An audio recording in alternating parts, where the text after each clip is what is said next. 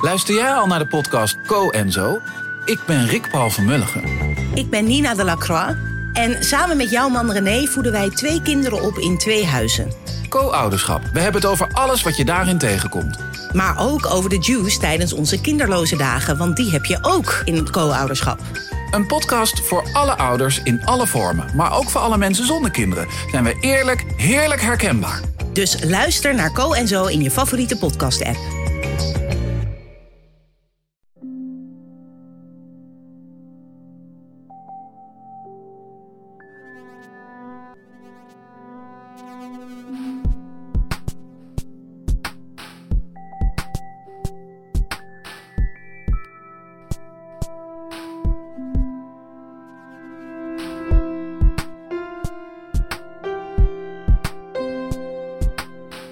Welkom bij de vijftiende aflevering van de Relaas podcast.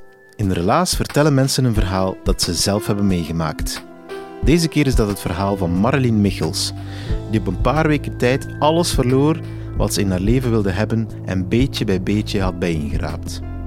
Maar dat mocht dus niet zijn. Marleen vertelde erover in augustus op onze luisternamiddag op het Kunstenfestival van Watu.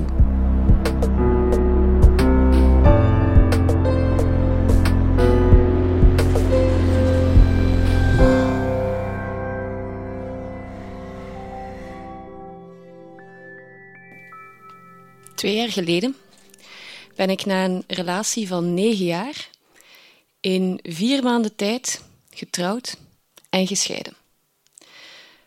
Hoe ik mij daarbij voelde is een beetje moeilijk om te omschrijven, maar het is het gemakkelijkst als ik het vergelijk met een uh, puzzel leggen, zo eentje van Ravensburger, duizend stukjes, en uren en uren daaraan puzzelen, om dan net op het einde te merken dat uw kat met het laatste stukje gaan lopen is, dat opgegeten heeft en uitgekotst heeft in een hoekje. Zo'n vuil stukje kots. En ja, weg is uw voldoening. Weg is dat mooie beeld dat je proberen creëren hebt. En het enige wat nog over is, is uw relatie in een vuil hoopje kots. En uzelf als half opgegeten puzzelstukje in dat vuil hoopje kots ja, voor mij op dat moment, het enige waar ik dan ga aan denken is de pragmatische kant. Mijn pragmatische kant komt naar boven en ik ga denken, ik, ik kuis die kots op. En dat heb ik dan ook gedaan. Want op zo'n moment komt alles naar boven. Woede, onbegrip, pijn.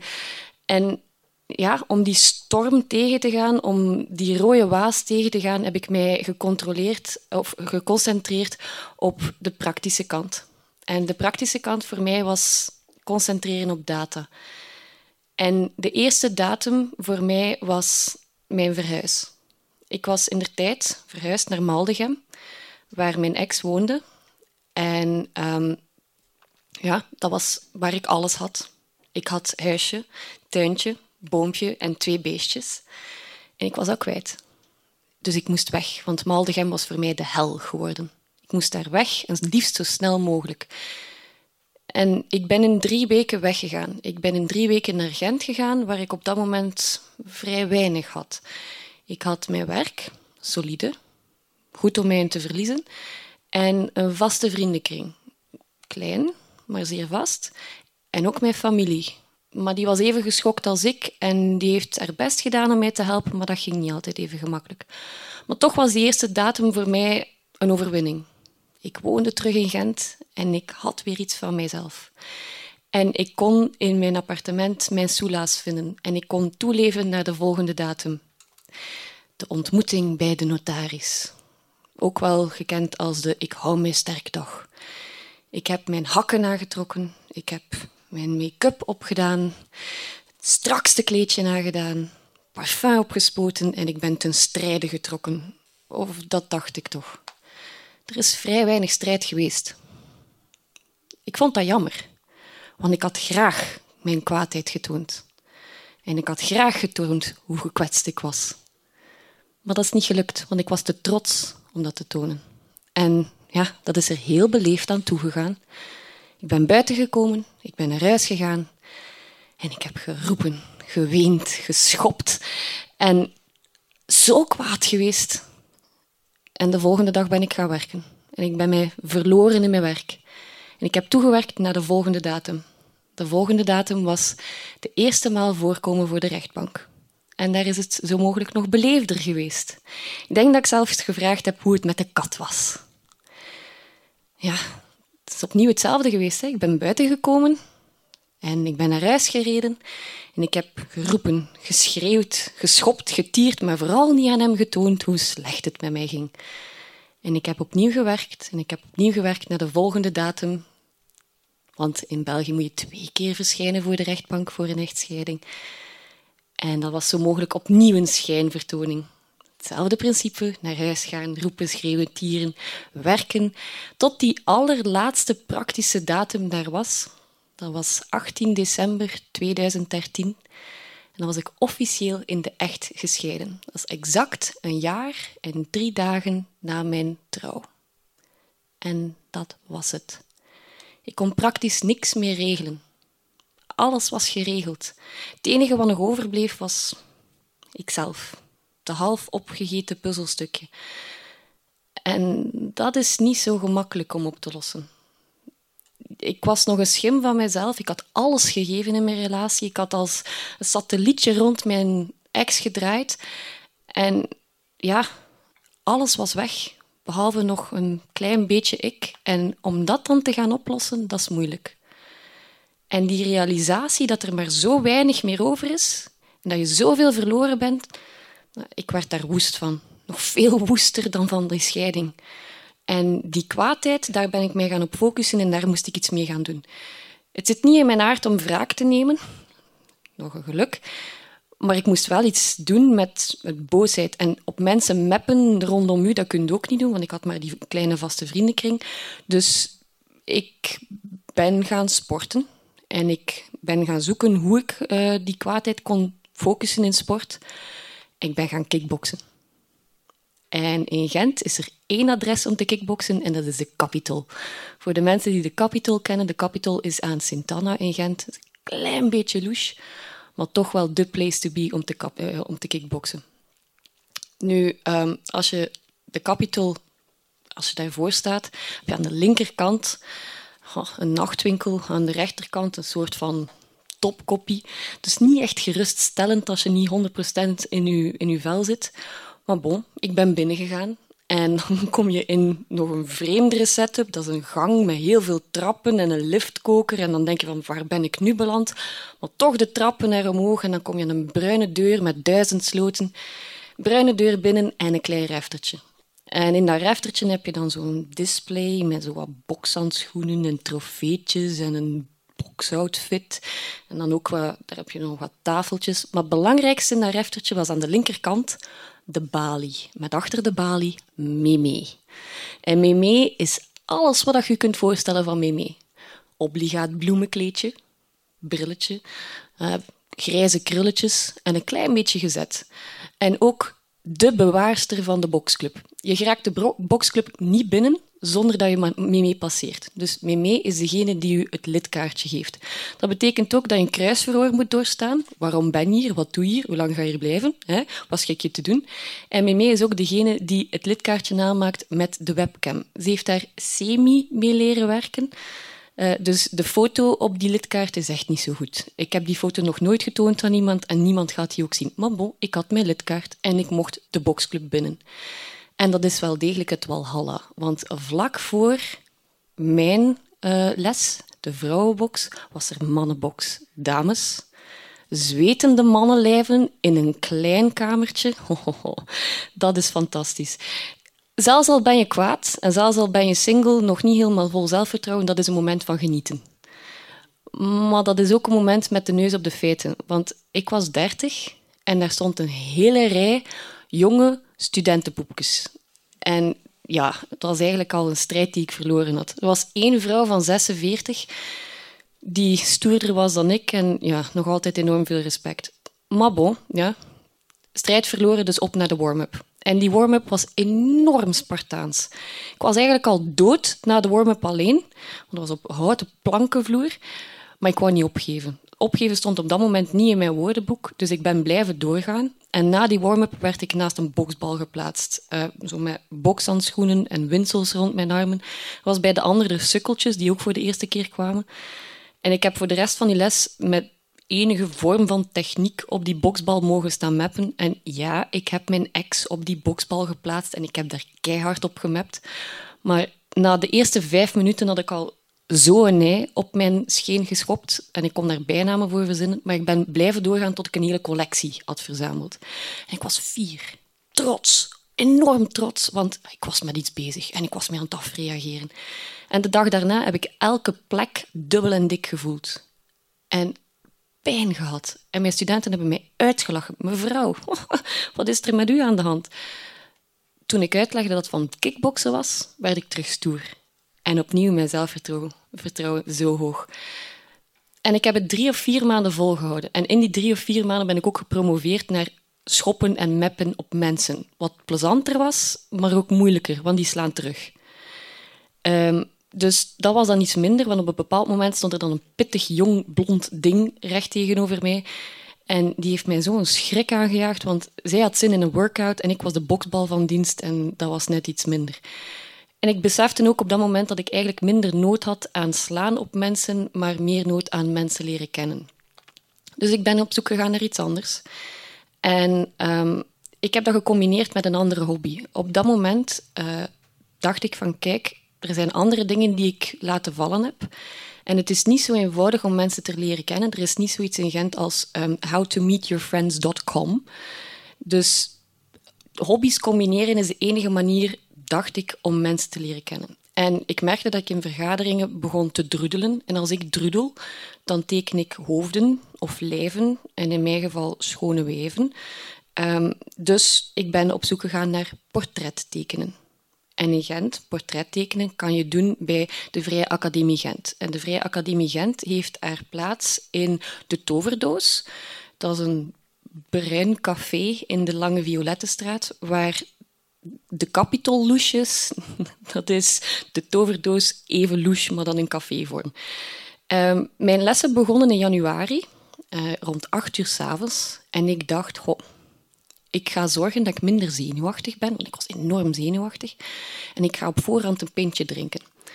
Jammer genoeg, de toverdoos niet open op voorhand. Dus ik stond daar, twintig voor acht, in de regen. Het was donker.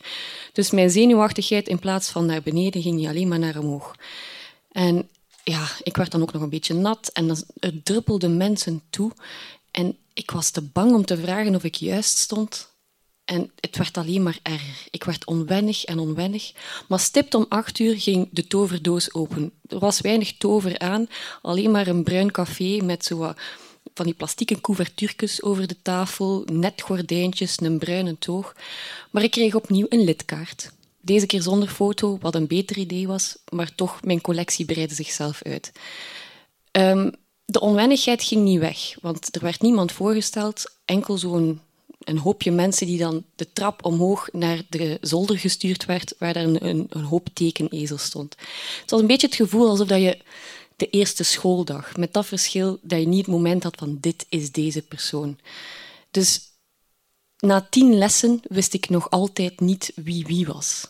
Um, ik heb wel creatief veel bijgeleerd.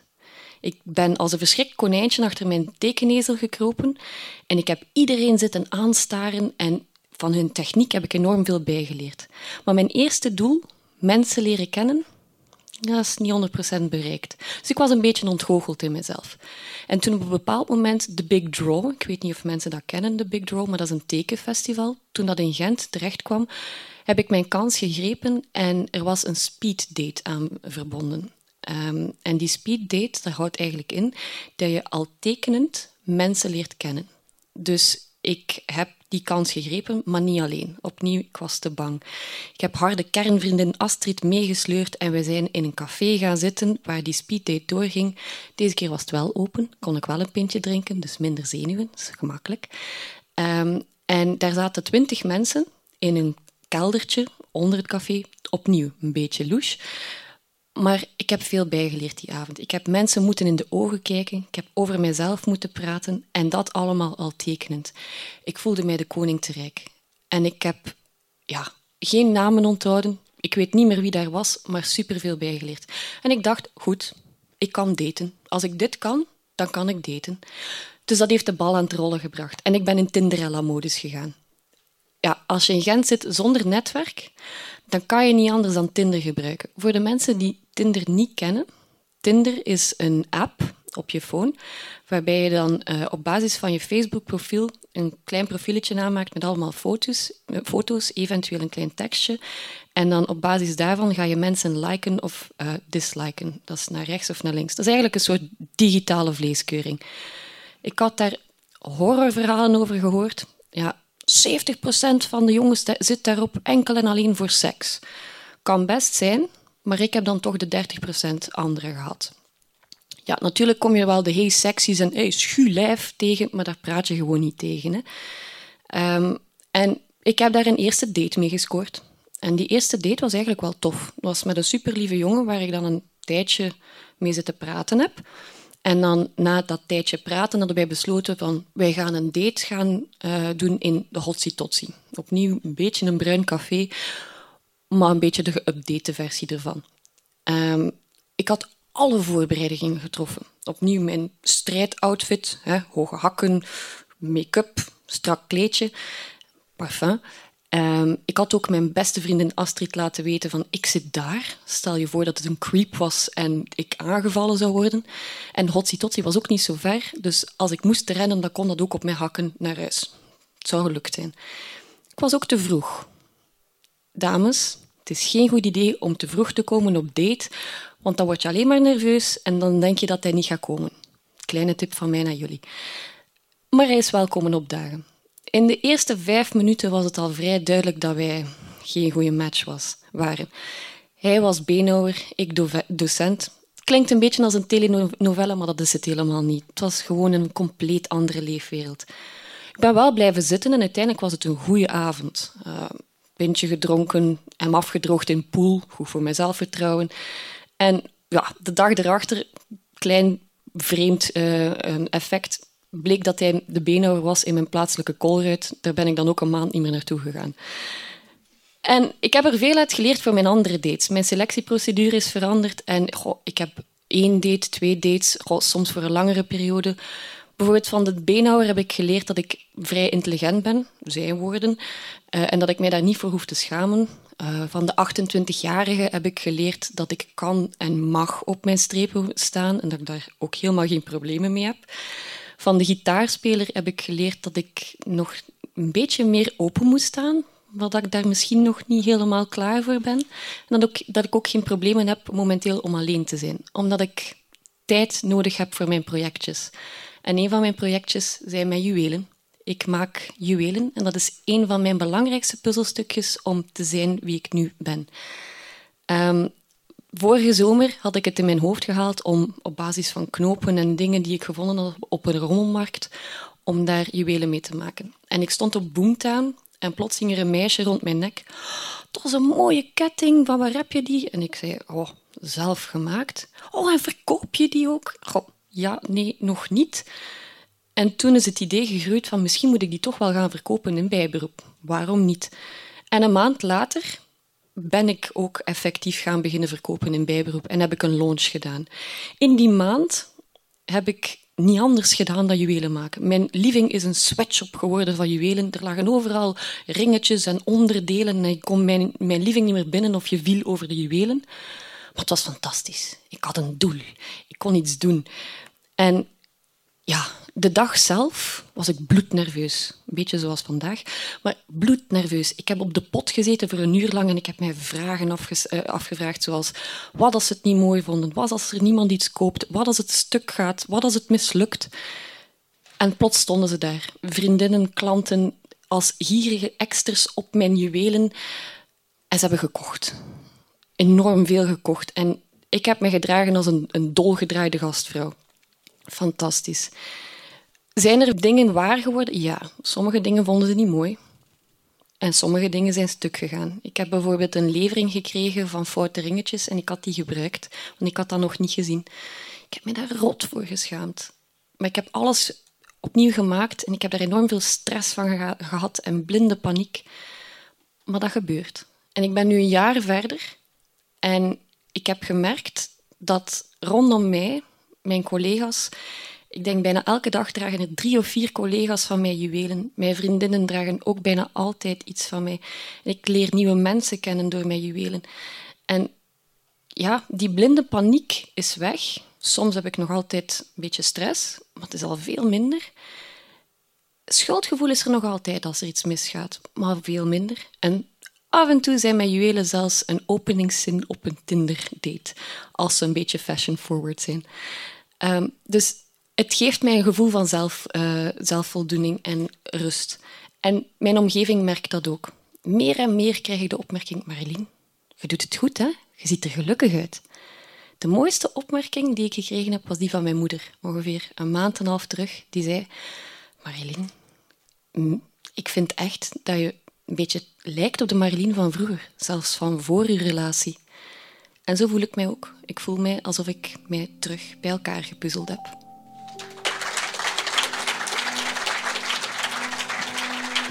Dat was het relaas van Marlene Michels. Ze vertelde het op een extreem warme zondagmiddag op Watu. Dat is het coolste kunstenfestival van België. Ondanks het feit dat het 30 graden was buiten en 35 graden binnen, was de zaal toch helemaal gevuld om naar Marlene te luisteren. Foto's daarvan vind je op onze Facebook. Het is de moeite waard. Heb je zelf een bijzonder verhaal? Wil je iemand tippen die een goed verhaal heeft?